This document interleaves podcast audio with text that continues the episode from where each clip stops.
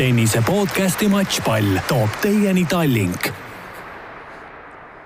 tere kõigile tennisesõpradele. aasta eelviimane Matšpalli podcast läheb eetrisse Tallinna südalinnast Delfi tasku häälingu stuudiost. minu nimi on Gunnar Leheste ja minu kaassaatejuht on endiselt Riho Kallus, ei ole ta kuskile kadunud selle aasta jooksul. tervist, tervist! ja meie tänane saatekülaline on üks, üks noorimaid, kes siin meil teisel pool lauda on kunagi istunud. Et panna perspektiivi, kui noore tennisistiga on tegu, siis äh, sa olid üheaastane, kui Eesti võitis Eurovisiooni. sa olid äh, kolme või neljakuune, kui Erik no,, Erki Nool võitis Sydneys olümpiakulla. palju sa mäletad nendest asjadest? Äh, mina ei mäleta midagi nendest asjadest. aga Maria-Lotta Kaul, kahekordne Eesti meister, on meie tänaseks külaliseks, tervist! tere! tahtsime tegelikult juba varem sind siia podcasti tuua juba novembrikuus, aga siis sa ütlesid, et sa lähed kolmeks nädalaks ära. kus sa siis käisid ja mis sa siis tegid? ma käisin võistlustel Kreetal ja viieteist tuhandesed võistlused ja jah, olin seal. ja kolm nädalat lähebki niimoodi reisi peale ära? tegelikult ma olin kaks nädalat ja alguses oli plaanis pärast paar päeva puhata ka, aga see jäi ära nii et ma tulin varem tagasi, aga siis ma jäin haigeks, nii et nüüd, nüüd on siis enam-vähem olemine hea juba ja kuidas siis läks Kreetal? no vi-, viimasel ajal minu kohta tavapäraselt. et äh, esimene turniir tulin kvalist läbi ja kaotasin esimene ring. ja teine turniir kaotasin kvali teine ring. aga, aga see kvali teise ringi mäng oli tegelikult päris hea mäng. nii et äh, see ei olnud nagu nii negatiivne, et ma nüüd seal kvalis kaotasin, et jah see on su esimene aasta, kui sa nüüd ainult naiste turniire mängid ITF-is. kui valulik see algus on olnud, et ega sul põhitabelis ega üle kahe mängu ei tule mm? -hmm. no enne ma olin ju vigastatud, siis kui ma oleks võinud mm -hmm. ka ainult naisi juba mängida tegelikult. aga ma arvasin jah, aasta alguses, et mul hakkab väga palju paremini minema, et äh, mul oli vorm oli hea, niisugune jaanuar, veebruar, märts oli okei okay, kuni karikavõistlusteni, kuni ma siis tõmbasin kõhulihase ära. Ja ma poolteist kuud ei saanud põhimõtteliselt midagi teha, sest see kogu aeg tuli tagasi ja siis ma lõpus ei julgenudki enam nagu üldse liigutada ennast väga, et et ootasin, kuni see nagu ära paraneks. Ja pärast seda nagu kuidagi ei saanudki uuesti nagu hästi käima. et füüsiliselt olin ka nagu nõrk, ei, ei tekkinud enam niisugust nagu perioodi, kus oleks aega nagu pikemalt järjest teha niisugune füssiperiood ja siis tulid võistlused peale ja siis mängisin sellise vormiga kogu aeg, nagu oli. ja jah, ütleme nii, et kui ma oma õlavigastusega Audis olin, siis, siis ma mõtlesin ikka, et viieteist tuhandesi peaks ammu võitma juba. ja siis, kui ma nüüd praegu siin mängingi, kvalist tulen läbi enamasti, aga esimesed ringid, need kaotused, need olid ikka päris masendavad ja siis vahepeal oligi juba niisugune tunne ka, aga kõik no noh, et noh, miks ma siin mängin või nii aga kuna kõik mulle ikka ütlevad, et äh, tegelikult no näiteks, et äh, niikaua, kuni sa audis oled, niikaua sul läheb vähemalt tegelikult aega, et nagu tagasi saada sinna vormi üldse, nagu kus sa olid varem. ja et äh, ma olen nii vähe mänginud, mul on nii vähe võistluskogemust praegu, et äh, lihtsalt ma pean mängima hästi palju ja võistlema ja küll need võidud ka tulema hakkavad, et jah. kuidas see ITF viisteist tuhat tase sinu jaoks tundub, on ta selline, nagu sa, nagu sa ootasid? Äh, jaa, seal viieteist tuhandesel tegelikult äh, kui sa ei pea nagu väga-väga agressiivne tegelikult olema. et äh, kui sa suudad palli stabiilselt tagasi lüüa ja põhimõtteliselt oodata vastase vigu ja nagu niisugust võitlusvaimu ka on, siis tegelikult seal noh, need võidavadki, kellel on niisugust fighti ja, ja suudavad nagu stabiilselt tagasi mängida. et ma ühel kahekümne viiesel käisin ka, seal on veidi juba niisugune agressiivsem, agressiivsus tuleb ka juurde. et tegelikult see tase on täiesti, kõik on täiesti reaalne nagu noh, minul ka isegi praegu tegelikult nagu, okei okay,, praegu võib-olla mitte veel võita seda, aga järgmine aasta ma loodaks küll juba, et äh, tase võiks nagu sealmaal olla, et et viieteist tuhandese finaale mängida. et kui sa oleksid oma tippvormis, siis sa arvad, et sa nendele tasemelt alla ei jääks? no jaa, tegelikult seal on suht ühtlane tase, seal ongi see, et kellel on rohkem seda fight'i nagu lõpuni võidelda ja kes ei anna alla ja ei hakka seal torisema, on ju, ja ja et äh, need nagu võidavad enamasti. mis sa oma selle aasta tipphetkena välja tooksid, milline turniir sa tunned, et äh, läks nagu paremini kui teised, et või, või milline mäng? ähm, äh, mõtled nüüd viieteist tuhandesi siis? sa võid ju teisi turniire ka nimetada. Eestis käid turniire mul, mul oli nagu parim vorm, mis ma ise tundsin, oli siis, kui ma mängisin veebruaris ühte GP-d mille sa võitsid? jaa, kui ma võitsin Tarassovat finaalis mm, -hmm. ma ei mäletagi, üks-üks, midagi, midagi mm -hmm. sellist oli et eh, siis ma nagu tundsin ennast füüsiliselt väga hästi, ma olin Andrei Nazaroviga, tegime viis korda nädalas füssi, ma olin nagu hästi-hästi heas vormis, mul oli hullult motivatsiooni, tahet, mul oli nagu niisugune power'iga läksin peale ja mängisin täitsa hästi. aga siis oligi enne Estikaid, eh, mul tuli see kõhulihase jama ja siis sealt kuidagi Estikad läksid ka halvasti ja siis aina seda negatiivset kogunes ja siis ma tõmbasin ennast aina rohkem auku ja siis hakkas nagu halvemini minema pärast seda. aga viieteist tuhandetest äh, mul on olnud niisugune kolm-neli tegelikult äh, turniiri, kus on nagu mängud juba lootustandvad olnud. tegelikult äh, Pärnus, mis ma mängisin, et äh, see oli peale Estikaid, siis mul oli tegelikult nagu vaimselt oli väga raske, sest minu jaoks Estikate veerandi kaotus oli väga, väga raske sest mina läksin mängima niimoodi, et ainult võit või mitte midagi, on ju. et et pärast seda ma nagu proovisin lihtsalt rahulikult keskenduda oma asjadele ja mitte mõelda liialt sellele, mida teised inimesed kõik mõtlevad ja ja nagu teha oma asja ja siis äh, kaotasin seal esimeses ringis teisele asetusele. aga see oli ka tegelikult nagu võidetav mäng, et, et jah. kas see Estikate veerandfinaali kaotus oli selle aasta valusam hetk? kui muidugi vigastus mm -hmm. kõrvale jätta? Äh, võib küll tegelikult nii öelda, sest äh, sealt maalt hakkas nagu asjad halvemaks ka minema no otseselt mitte halvemaks, vaid seal oli see murdepunkt, kus mul enne nagu, tegelikult ma ju alustasin hästi äh, pärast seda aastast pausi, ma võitsin neli turniiri järjest, mis siis, et need olid Eesti turniirid, need ikkagi annavad nagu päris palju enesekindlust ja niisugust nagu noh, mul oligi äh, eneseusk ja selline oli selline, et ma võiks ükskõik kelle vastu mängida. räägi, räägi meile korra sellest aastasest pausist ja, ja see mm, mis sinuga täpselt toimus ja miks, miks nii pikalt ähm,? No mul oli tegelikult enne seda aastast täielikku pausi oli juba probleeme selle õlaga ka aasta aega varem. et kui ma mängisin Fed Cupi, ma ei mäleta täpselt, mis aasta see oli, äkki kaks seitseteist. seitseteist või? seitseteist, jah. et äh, siis seal ma juba tegelikult mängisin valuvaigistitega ja, ja see oligi see viga, mis me ilmselt tegime, et äh, et ma mängisin võistlusi valuvaigistiga, trennis väga servi ei löönud, vaata siis enne, enne võistlust lõin paar päeva, vaatasin, et oh, täitsa okei okay. ja võistlusel lõi välja ja siis juba noh, ei tahtnud ju loobuda, mängisid jälle valuvaigistitega ja kogu aeg äh, tegin asju hullemaks. ja siis äh, tegelikult äh, ma tegelesin ka äh, alguses enne oppi oli nagu üks arst, kes ütles mulle, et saab ka harjutuste, harjutustega nagu selle õlaprobleemi korda. ja see pidi võtma aega viis kuni kaheksa kuud aga siis äh, ma olin kuskil neli kuud, äkki viis kuud juba teinud harjutusi väga korralikult äh, ja ma mängisin kolm korda nädalas tennist, servi ei löönud üldse ja läksin trenni ja lõin väikses kastis, mängisime põhimõtteliselt kõksu. ja mul oli niisugune valu õlga, et mul kukkus reket käest ära, ma ei suutnud reketit hoida ja siis ma mõtlesin, et no see ei ole võimalik, et see asi mul kolme kuu pärast on korras, et äh, see oli kaks tuhat seitseteist siis veel, jah? see oli kaks tuhat seitseteist lõpp, ma arvan, jah. ja siis, siis ma nagu äh, läksin ise Madis Rahu juurde ja lasin veel lisauuringut teha, sest mul oli tegelikult MRT tehtud, see ei näidanud, et on katki. aga siis tehti selle kontrastainega vist, vist oli selline mm -hmm. nimetus sellel, et äh, sellega tehti uuring ja siis oligi näha, et siit tagantpoolt, äh, õla tagant oli nagu katki. ja siis äh, ehk siis ma ei tea, kui kaua mul ta seal katki oli olnud, aga ma olin üsna kaua jamanud sellega ja siis jaanuaris läksin opile või veebruari algus vist tegelikult ja siis äh, kuskil kaheksa-üheksa kuud äh, tegelesin täiesti taastusraviga niimoodi, et äh, ma üritasin oma käe liikuma saada, mingid väiksed lihased tagasi ehitada, sest alguses see asi on nagu nii hull, et et noh, sa ei jaksa omaenda kätt üles tõsta sest sul kõik need lihased on sealt kadunud ja alguses kuu aega oli käsi kaenlas ja siis, kui ära võtsin, siis toimus nagu niisugune suur areng, seepärast et ma proovisin hakata vaikselt uksi lahti lükkama ja siis hakkad niisuguseid igapäevaliigutusi tegema, siis nagu vaikselt hakkab see liikuvus tagasi tulema, aga see oli jah äh,, raske periood.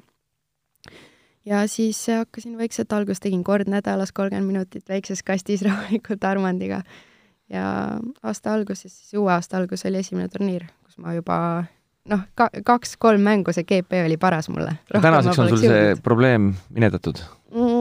Äh, jah, ma arvan küll, mul ei ole selles suhtes äh, mingit äh, suurt jama sellega olnud, vahepeal ta ikka tuikab, aga ma arvan, et äh, see on nagu normaalne, arvestades seda, et seda on ikkagi lõigatud, et see, ma arvan, jääbki eluaeg niimoodi natukene tunda andma, et ma pean temaga tegelema elu lõpuni ilmselt. mida üks tennisist mõtleb sellise pausi ajal, kui kui käsi on paelaga kaelas, sa vaatad, kuidas su rahvuskaaslased mängivad Suurbritannia vastu Fed Cupi tribüünilt endal käsi kipsis, et mida sa oma karjäärist, elust ja tennisemängust üldse mõtlesid sel ajal? no tegelikult, kui mul juba see opp oli olnud, siis ma olin nagu positiivne, sellepärast et eelmine aasta mul oli kogu aeg see, et ma mängisin ja ma ei teadnud, mis seal on ja see kogu aeg segas mind ja ma olin nii tüdinenud juba sellest, et ma tahaks, et asi saaks mingi lahenduse ja saaks korda. Ja üks hetk, kui ma sain teada, et nüüd on katki ja me lõikame selle ära, siis ma nagu, see oli minu jaoks tähendas seda, et voh, nüüd saab korda. et isegi kui ma elan selle, elan selle kaheksa kuud üle ja siis on nagu okei okay.. et äh, tegelikult ma nagu väga kurb ei olnud. et seda ohtu, et sa kunagi üldse reketit enam kätte ei võta, seda ei olnud mingil hetkel üldse? ei, ja ma isegi tol hetkel tundsin, et võib-olla see on nagu kasulik mulle mingis mõttes, noh, alati mingi, kõik asjad on millegi jaoks kasulikud, on ju.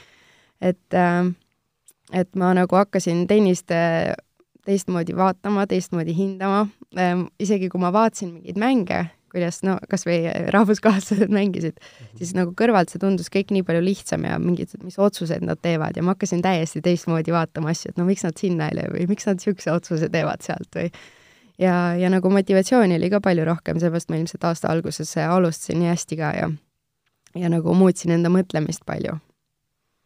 millal see esimene võistlus oli, kus sa, kus sa peale läksid pärast seda pausi ähm,? jaanuaris. Pärnu GP oli vist, jah ja.? Mm. mäletad sa ka, kui ettevaatlikult sa seda mängu alustasid siis? ma olin nii närvis, et ma polnud mitte kunagi nii närvis olnud varem. ma läksin esimest ringi mängima, eh, noh, mitte et midagi halvasti öelda, aga no mängu, mis ma peaks võitma väga kiirelt, on ju. Aga ma niimoodi kartsin mul oli nagu enne selline närv, et ma käisin inimeste juures, ütlesin, palun räägi minuga, et ma ei saaks nagu üksi nagu, et ma ei mõtleks nagu üle, sest mu käed värisesid, mu süda puperdas niimoodi nagu, kuidagi hirm oli minna inimeste ees vist nagu mängima või üleüldse väljakule nagu võistlema, et noh, eks ma ilmselt tun-, tundsin ka seda ju, et inimesed vaatavad, et noh, ma pole nüüd aasta aega mänginud ja et kuidas ta siis mängib ja et ma olin, ma pole kunagi varem nii närvis olnud. Esimene suurem võistlus oli vist karikavõistlused, mille eel me siis ka kaameraga sul trennis külas käisime mm. -hmm. siis pakatasin küll motivatsioonist? jaa, siis, siis mul oli kõik hästi ja ma olin väga enesekindel ja ma tundsingi, et nagu, et vahet pole, kes sinna karikavõistlustele tuleb, et, et ma võidan, ma saan hakkama, mul oligi selline nagu mindset ja aga siis veerandfinaalis ma tõmbasin kõhulihase ära ja siis ma, ma ei olnud nõus loobuma ka, sellepärast et ma tundsin jällegi nagu noh, see on tegelikult rumal, et ma mõtlen nii palju selle ini-, teiste inimeste peale, onju. aga et ma kuidagi tundsin, et seal on juba suurem võistlus ja tahaks nagu ikka võita ja et ei taha loobukat anda, onju. mhm. kuidas ma annan siis loobumisvõidu, nüüd alles tulin nagu tagasi ja nii. ja siis ma mängisin need kaks mängu ära katkise kõhuga, aga see ei olnud eriti hea mõte arvestada seda, mis pärast karikavõistlust toimus, et noh, tore oli võita küll seda aga pärast eh, seda mul kogu füüsiline vorm, kõik asjad läks selle pausiga ära, et see on nagu tegelikult, eh, tegelikult on mõttetu, sellepärast ma jätsin, eh, mul tuli uuesti kõhulihase jama ja ma jätsin selle Pärnu siseturniiri viisteist tuhat ära. et seal ma tegin siis nüüd targema otsuse, et ma ei lähe katkise kõhuga seda mängida. ehk siis vigadest ei õpita?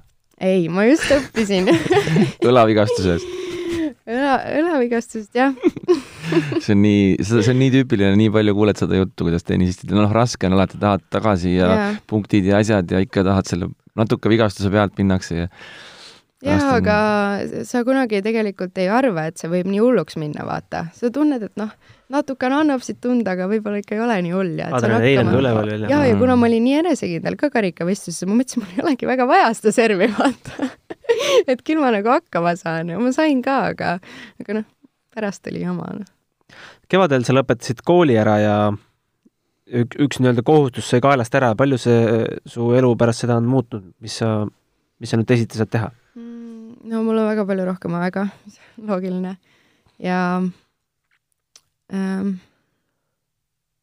tegelikult issand, ma ei oskagi vastata midagi. palju sa tennist väga... mängid nüüd, mängid sa rohkem tennist või? ma tegelikult ei ole praegu mänginud väga palju rohkem tennist sellepärast et ähm, ma ei teagi tegelikult, miks aga nüüd, äh, nüüd ma nagu hakkan. uuest aastast arvan, et saab ka panna need ajad, äh, muuta, panna mulle rohkem aegu ja mul tuleb füssiperiood ka nüüd jaanuaris.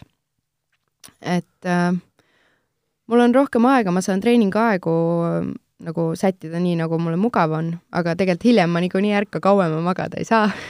Trennid hakkavad ikka kaheksa kolmkümmend üheksa. Ja jah. No mingit puhkeaega või kas või vaimset puhkust on ju rohkem, et seda on jah, päeval, päeval selle, see ongi, et kool lõunal nagu ei väsita. et ma saan puhata, lepotada ja siis minna teise trenni, et ma olen kindlasti värskem.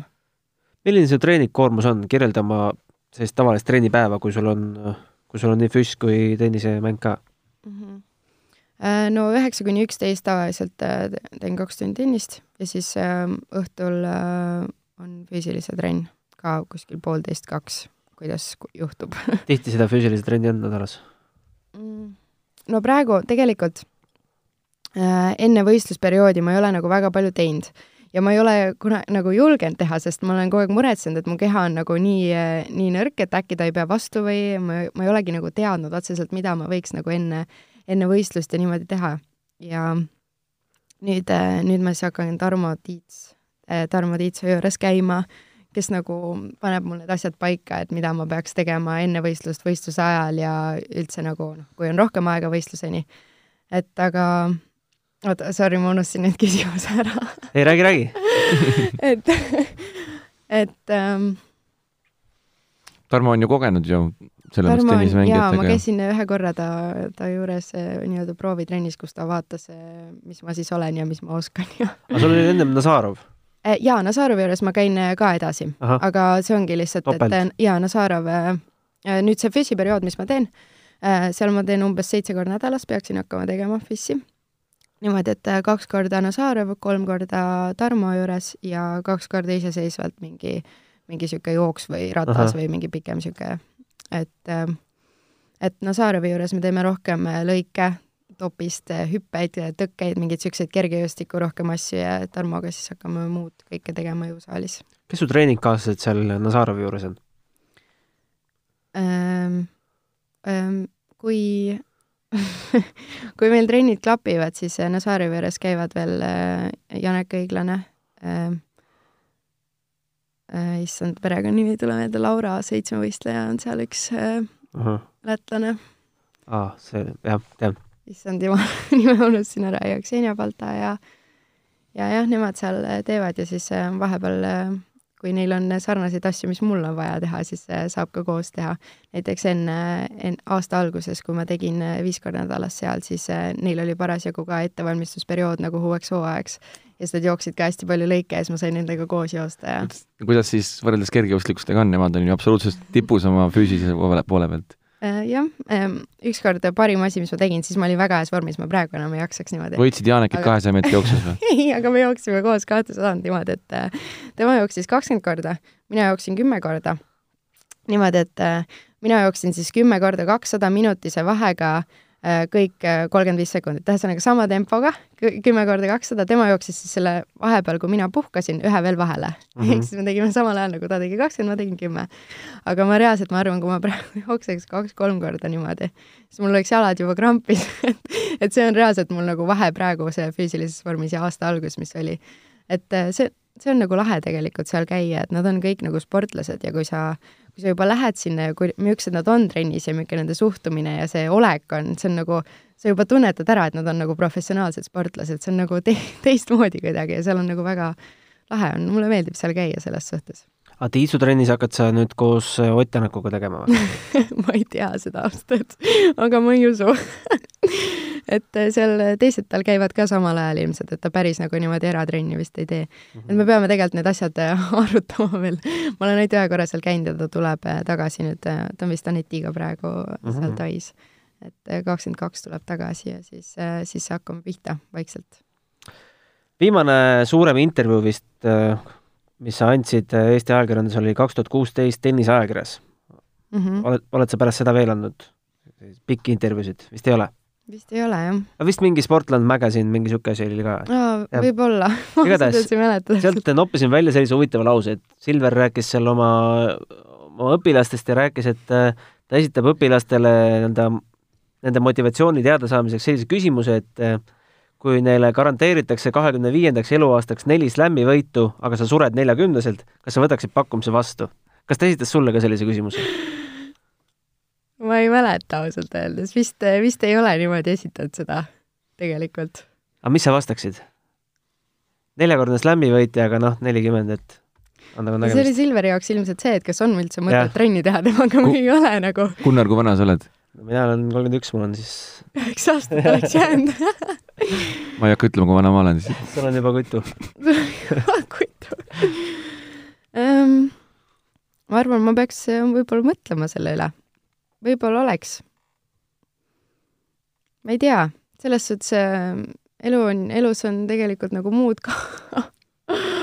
aga ma arvan, Jah. eks ta püüdis nagu sellega küsida, et palju sa oled nõus ohverdama oma elust tennise nimel. jah, tegelikult mulle tegelikult meenub, ma arvan, et ta on mult küsinud seda ja ma olen vastanud niimoodi, et äh, ma ei pea niimoodi mõtlema. Mm -hmm.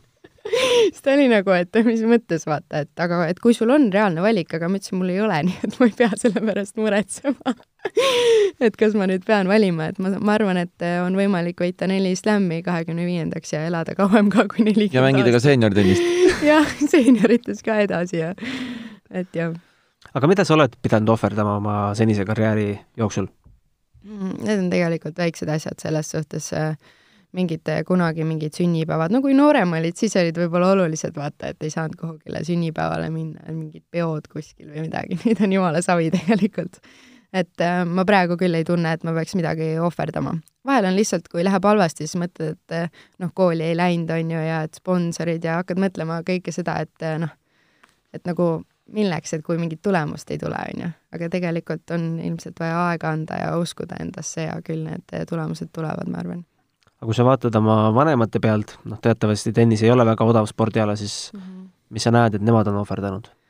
Äh, no isa on väga palju ohverdanud tegelikult, ma arvan, et äh, ta kunagi vähemalt küll tegi väga palju tööd ja tal, issand, ma nüüd aastat täpselt ei mäletagi, äkki kolm-neli, neli aastat tagasi oli südameopp ka, et ta põhimõtteliselt tegelikult äh, töötas natuke katki ennast. Et äh, ta vahel läks hommikul kell neli juba tööle ja õhtul kümme-üksteist lõpetas, et äh, tema on nagu väga palju sinna panustanud ja see on ka jällegi nagu üks pool, mille peale sa nagu mõtled kui äh, lähed jälle turniirile ja jälle tuled sama halva tulemusega tagasi ja jälle pead selgitama, et miks nii ja et mis siis on ja et et käid ju trennis ja teed ju ja et nagu ma olen näinud küll, et sa oskad mängida, et mis sul siis on, et kas sa ei taha või? Et ega noh, et need on ka need kohad, mis jällegi panevad mõtlema, et et isegi kui nagu ma mängin endale ja kõike seda, siis ma ikkagi, on võimalik teisi inimesi ka alt vedada, et et äh, jah aga ei, tegelikult nad mõlemad, sest mul ema, ema küll tööl ei käi, aga aga ta ikkagi äh, on väga sees selles tennisemaailmas ja elab mulle kaasa ja on nagu, nagu muud moodi sinna panustanud, alustades minu riiete pesemisest hommikust õhtuni ja söögi tegemisest ja kuidas sul täna on, kas sul täna on nagu rohkem toetajaid ka või? ähm, no see aasta ma nüüd sain hakkama, aga see kõik on niimoodi, et ma oma treenerit võistlustele kaasa ei saa võtta ja mis tegelikult oleks, no ma tunnen hästi paljudes kohtades, et oleks vajalik tegelikult, sest äh, ikka, kui sa teed üksi, sul mingid asjad hakkavad lagunema, isegi kui sa tead neid asju nagu, et mida, mida sa valesti teed, siis vahel on vaja lihtsalt, et keegi kõrvalt nagu vaata ja ütleks sulle, et äh, mida tegema peab ja, ja just äh, üleüldse nagu mängu ajal ka, et oleks see inimene, kes toetab ja nagu noogutab sulle seal vahepeal, et läheb, läheb kas seal Küprosel olid kolm nädalat üksi siis või? äh,. Gretal Kreetal, jah? äh,.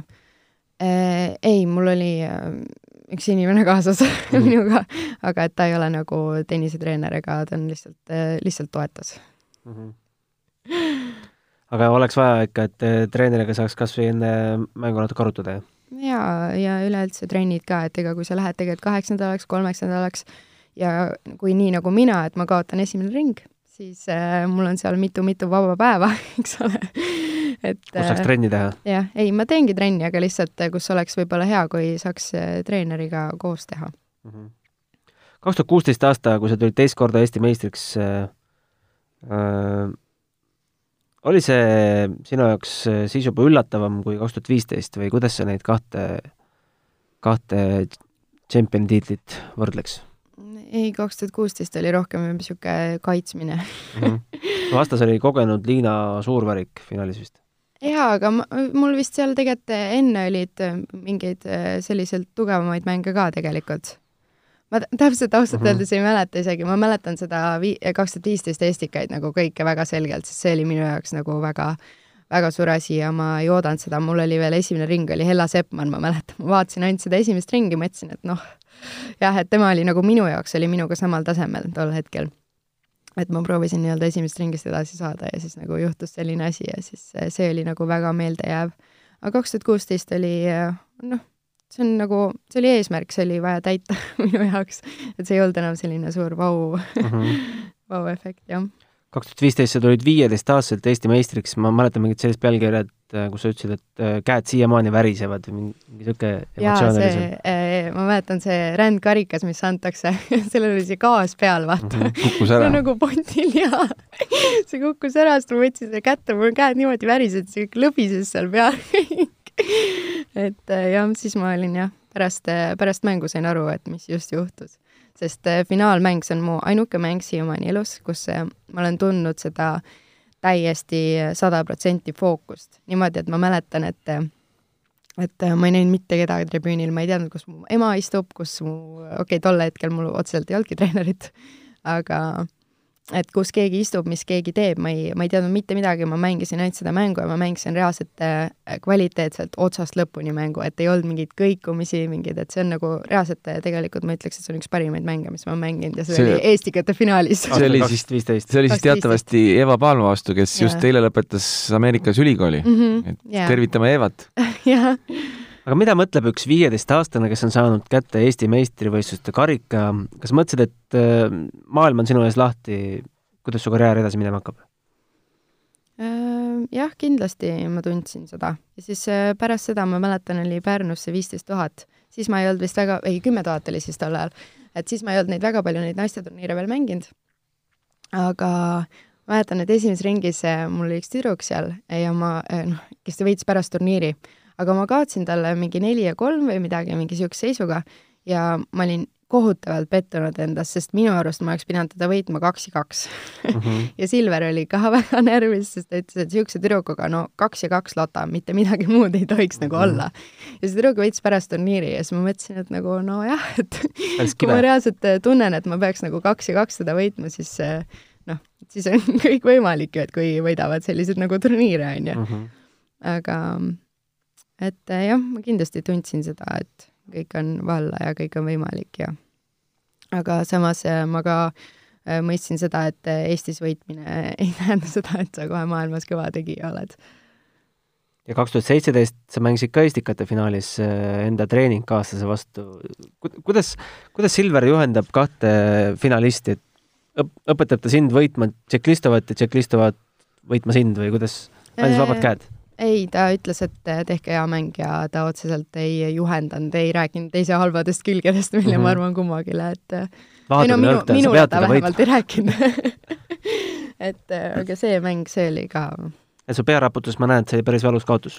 see, mina jah, tundsin, et vastane ei väärinud seda võitu, et mm -hmm. mina ise keerasin asjad nässu ja aga see oli jällegi, ma, ma ei olnud kolm kuud enne Estikaid mänginud ja ma tegin äh, kaks nädalat enne, poolteist nädalat enne Liival trenni, mul oli siis ka juba see õla, õlaasi.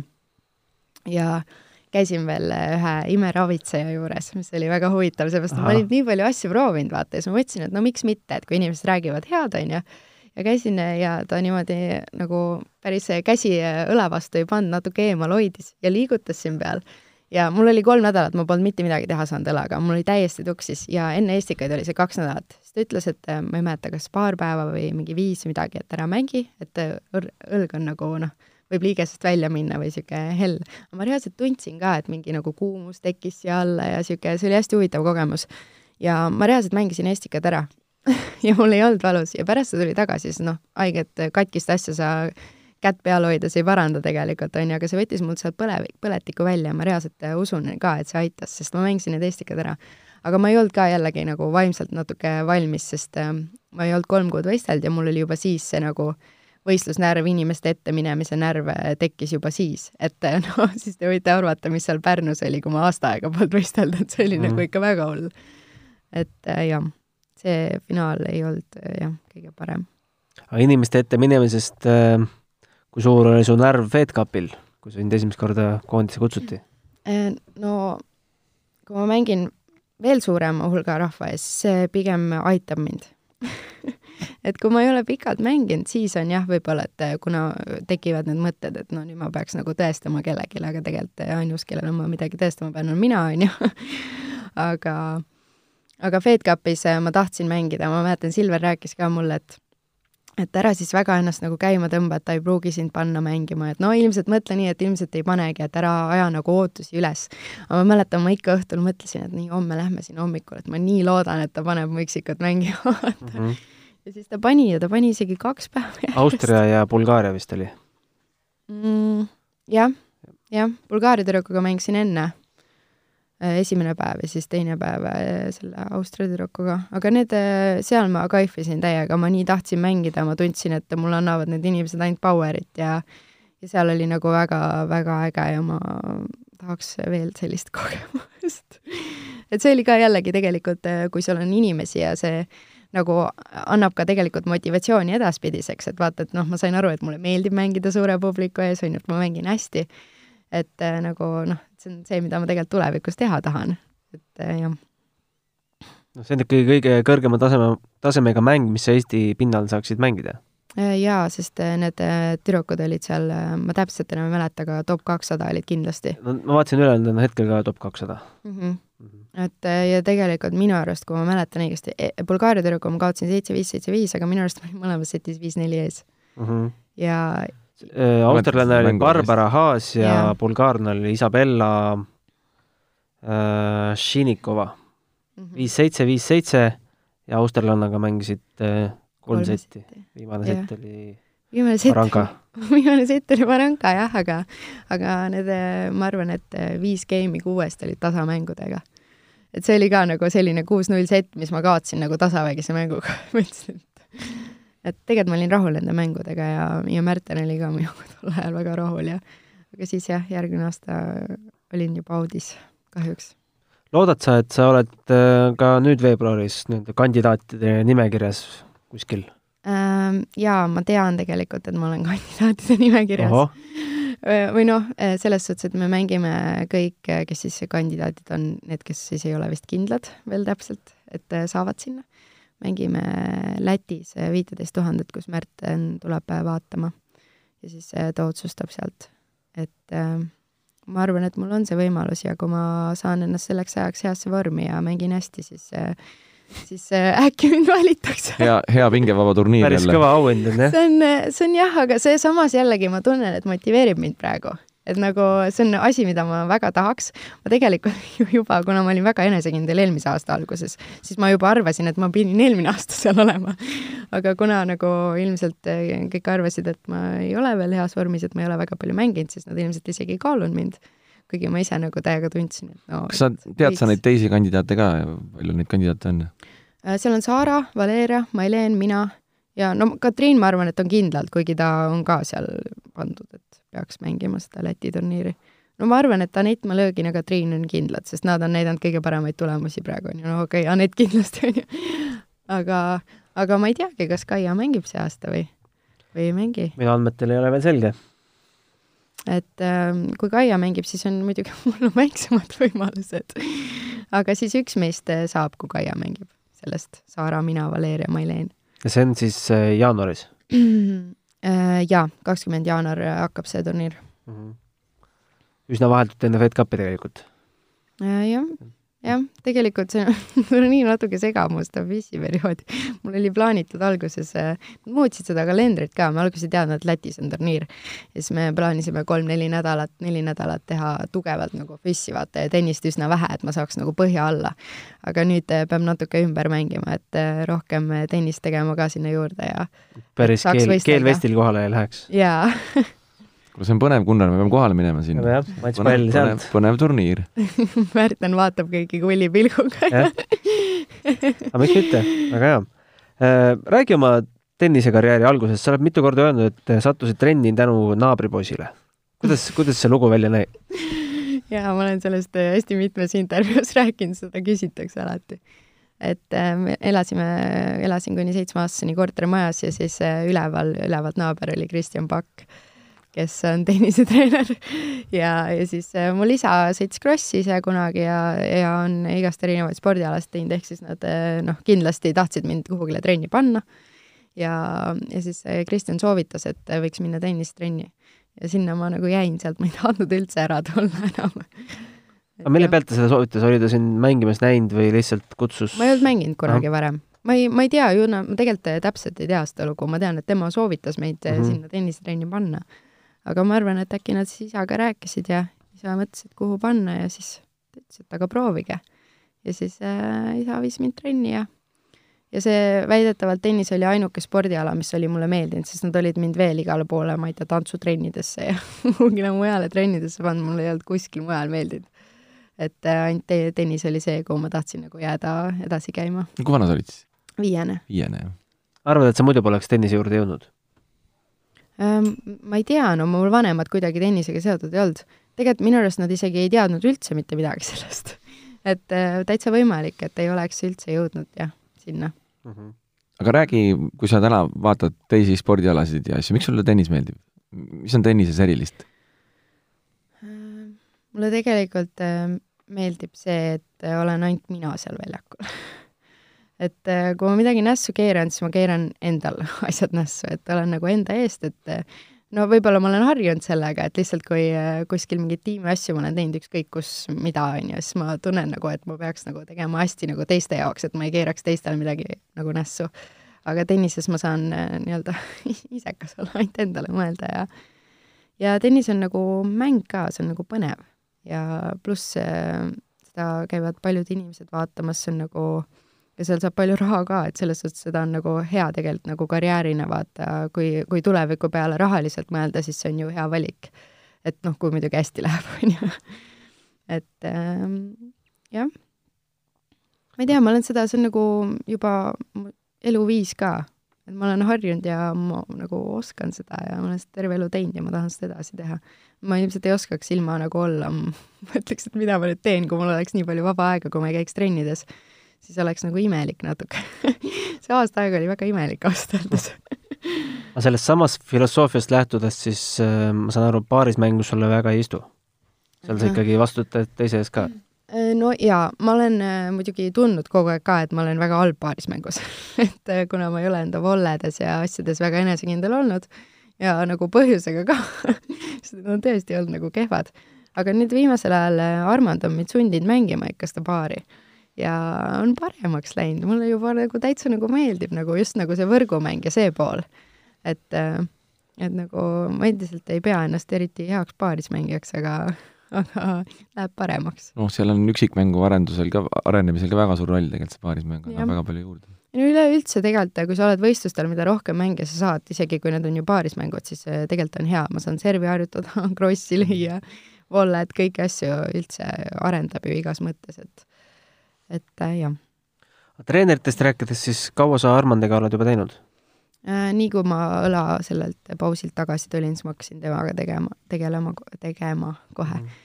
et äh, augusti alguses me tegime esimesed need äh, kahekümne, kolmekümne minutilised trennid. ehk siis varsti juba saab poolteist aastat.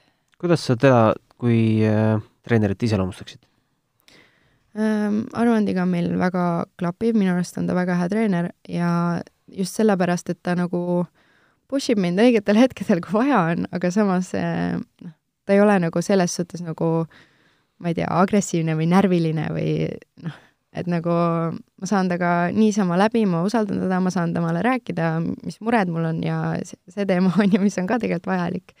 ja samas nagu väljakul ta nagu nii-öelda motiveerib mind rohkem siis pingutama. ja, ja, ja üleüldse tegelikult alguses mul ju läks väga hästi ka et äh, ju nagu on kasu ka sellest kõigest, mis ta õpetab ja lihtsalt äh, miks mul viimasel ajal vast see oli rohkem minu peas kinni, mitte treeneris, eks ole. et ja minu arust on ta väga hea treener ja, ja loodetavasti meie koostöö jätkub pikalt. oled sa kunagi psühholoogi abi ka kasutanud? Äh, jaa, Silver karjus kunagi nii-öelda viis mu spordipsühholoogi juurde. siis ma käisin seal täitsa, ma arvan, kuskil aasta aega mitte nüüd niimoodi iga nädal, aga mm. mingi aja tagant. ja see nagu ka toimib võib-olla, kui sa tahad, et see toimiks mm -hmm. ükskõik on ilmselt tol hetkel väga ei tahtnud? Ei, ma nagu rohkem, mul oli natuke treeneriga seal probleeme ja siis ma rohkem äh, sain ennast äh, seal välja elada, selles suhtes see nagu aitas, et äh, kuna meil olid omavahelise suhtlemise probleemid, siis, siis psühholoog nagu aitas mind lihtsalt üldse mind enda, enda mõtetega toime tulema ja, ja nagu selle poole pealt, aga spordi poole pealt ka tegelikult aga need on kõik niisugused minu arust väga lihtsad nõuanded ja tegelikult spordipsühholoogid on kõik eh, sellised, et nad tegelikult eh, ju suunavad sind, et sa ise räägiks ja ise leiaksid vastused. Nad tegelikult ei ütle sulle, kuidas sa pead tegema mm -hmm. midagi, et eh, see ongi rohkem niisugune, lähed sinna rääkima ja ise jõuad mingite järeldusteni. et, et sa võid sama hästi ka siia rääkima tulla, meie juurde ja võid ükskõik kellega tegelikult rääkida.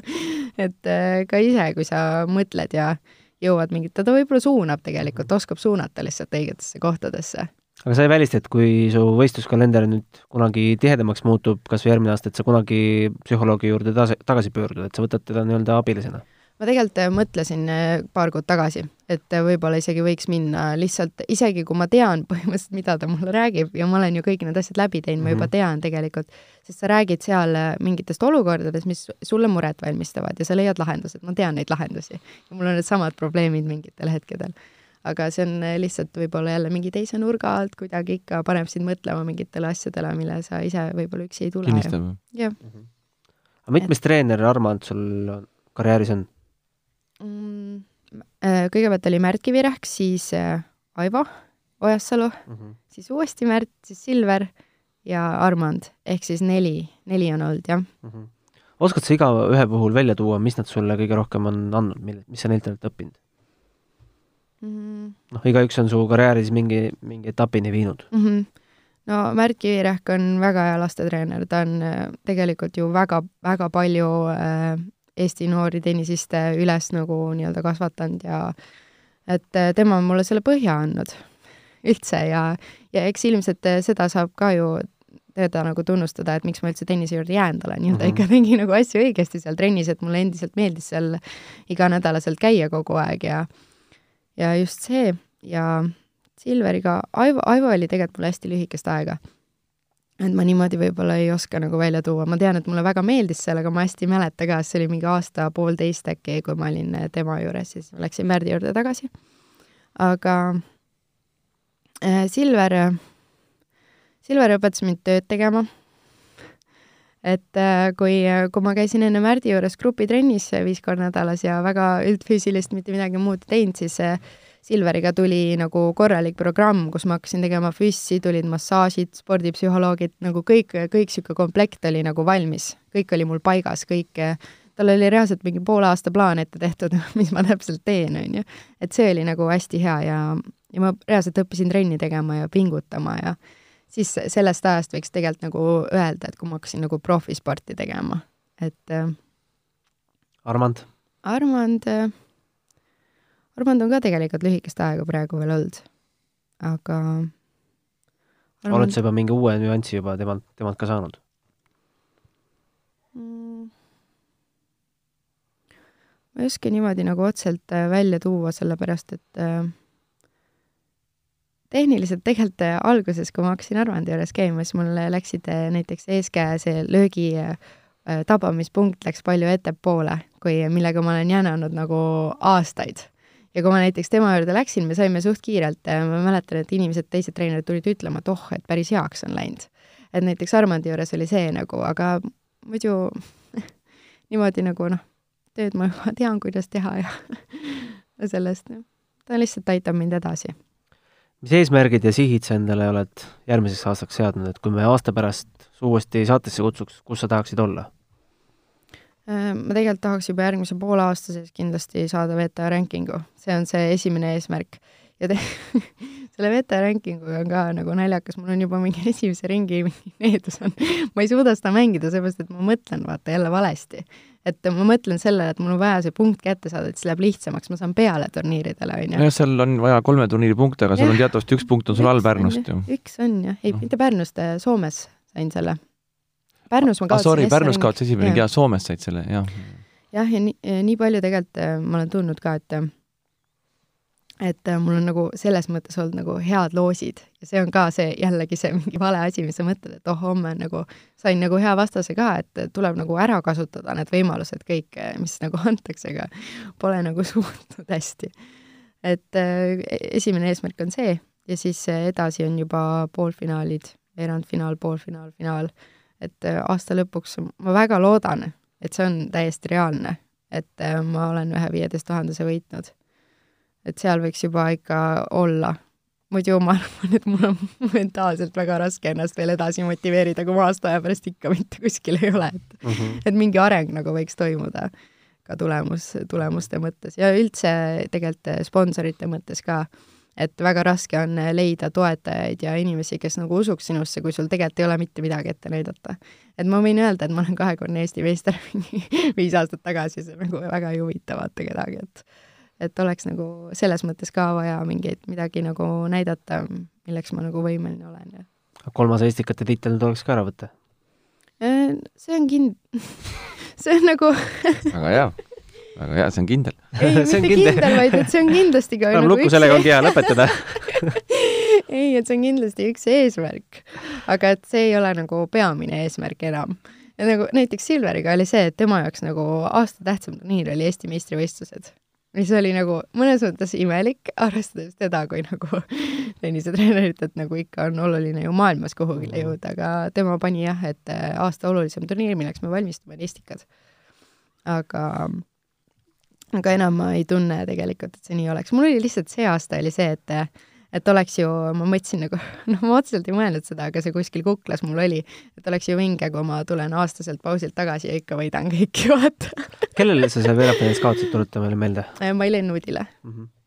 aga see oli, see oli kole mäng, ma ütlen et äh, kõik, kes seda vaatasid, ma arvan, mul oli neist kahju kindlasti saab selle kuskilt järele veel vaadata. ei, ei saa isegi kui saab, ei ole vaja vaadata. mis seal siis viltu läks? Äh, seal oli äh, nii suur ülemõtlemine ja närve, mis ma, no kuna ma ketrasin enda peas seda, et ma ei ole head vormi tagasi saanud, mis nüüd saab, Eestikad tulevad, on ju, juba muretsesin kaks nädalat ette, ma mäletan, Armand ütles mulle ka kogu aeg, kuule lõpeta ära, vaata, ära mõtle nende Eestikate peale, see on mingi suvaline põhimõtteliselt külaturniir mm, -hmm. et nagu lõpeta ära, on ju. et äh, et ma jah, mõtlesin üle ja põlesin juba ilmselt enne läbi, kui ma üldse sinna väljakule läksin ja siis mul oligi nii suur närv, et äh, ma ei, niisugune tunne oli, et ma ei oska üldse mängida, et no ei saa palliväljakusse, sa lihtsalt nagu keerad enda peas nii asjad lukku, et ei suuda nagu keha ei toimi niimoodi mm -hmm. nagu peaks. et jah, siis ma, aga ma hullult võitlesin vähemalt, see oli vähemalt, mis ma tegin. ma nagu peksin seal ennast ja mõtlesin, et alla ma ei anna, ükskõik mis nagu ongi kole ja vahet ei ole ja et äh, aga jah, kahjuks ma ei võitnud seda mängu. sa oled praegu Eesti naiste seitsmes reket, kas see on ka omaette eesmärk, et äh, selles edetabelis natuke tõusta? ei, sellele ma küll ei mõtle niimoodi. ega ei ole pannud ees, eesmärki, et tahaks nüüd Eestis olla top kolm või midagi. see on äh, täitsa selles mõttes sobi vaatad sa mingis mõttes välismaa poole ka, et mismoodi välismaal treenitakse, mõt-, noh, siin on hästi populaarne on käia kuskil akadeemiates treenimas, et seod sa oma tuleviku Eestiga või mõtled sa natuke mingeid teisi variante ka? no selleks on raha vaja. ja kui see raha ükskord tuleb, et seda on niimoodi, et reaalselt on võimalik minna nagu ära ka pikemaks ajaks või kuhugile akadeemiasse treenima, kas või nagu oma treeneriga. et äh, lihtsalt see keskkonnavahetus ja et äh, ma läheks küll ausalt öeldes. et äh, see tunduks kõik nagu selline professionaalne ja ikka sa lähed teise keskkonda, need Eesti negatiivsed inimesed ei ole sul ümber, mhm. on ju. Lähed teise keskkonda ja eks ma arvan, et seal akadeemiates on ju kindlasti kõik nagu professionaalne, pluss seal on soe, see tegelikult annab nii palju juurde. sest siin Eestis sa ärkad hommikul mingi seitse, niisugune tunne nagu kell oleks kolm öösel, on ju mm. -hmm. Lähed külm, niisugune vastik trenni nagu, siis on palju nagu raskem minna trenni kui näiteks Eestis suvelgi kas või. suvel nagu ma ärkan jumala kergelt hommikul üles, kui on nagu mõnus ilm ja mõnus kliima, vaata, et et juba see annaks, ma arvan, palju juurde tegelikult, kui oleks nagu noh, lihtsam minna trenni ja lihtsam motiveerida ennast, sest nagu ümberringi on kõik hästi. et ei ole niisugune negatiivne igal pool ja hall kõik, et ja jah, ma arvan, ma läheks küll, kui oleks võimalusi. aga tõmbaks tennisejuttudele joone alla, ma küsin veel sellist asja, kui palju sa muud sporti jälgid? Väga palju tegelikult ei jälgi. eestlasi ikka jälgin kui mõni eestlane kuskil on Otti, mul isa on suur fänn, nii et ma kodus juba olen nii palju näinud seda. kogu aeg tule vaata, tule vaata mm. -hmm. et, et eestlasi ikka jälgin, netimänge jälgin ja, ja selliseid asju, aga muidu mul mingit noh, a la, et alased poisid vaatavad korvpalli või midagi, mul seda ei, niimoodi ei ole, et ma nüüd kodus fännaks mingit muud ala mul on suht ainult tennis. mul õde ujub, siis tema ujumist ma jälgin ka.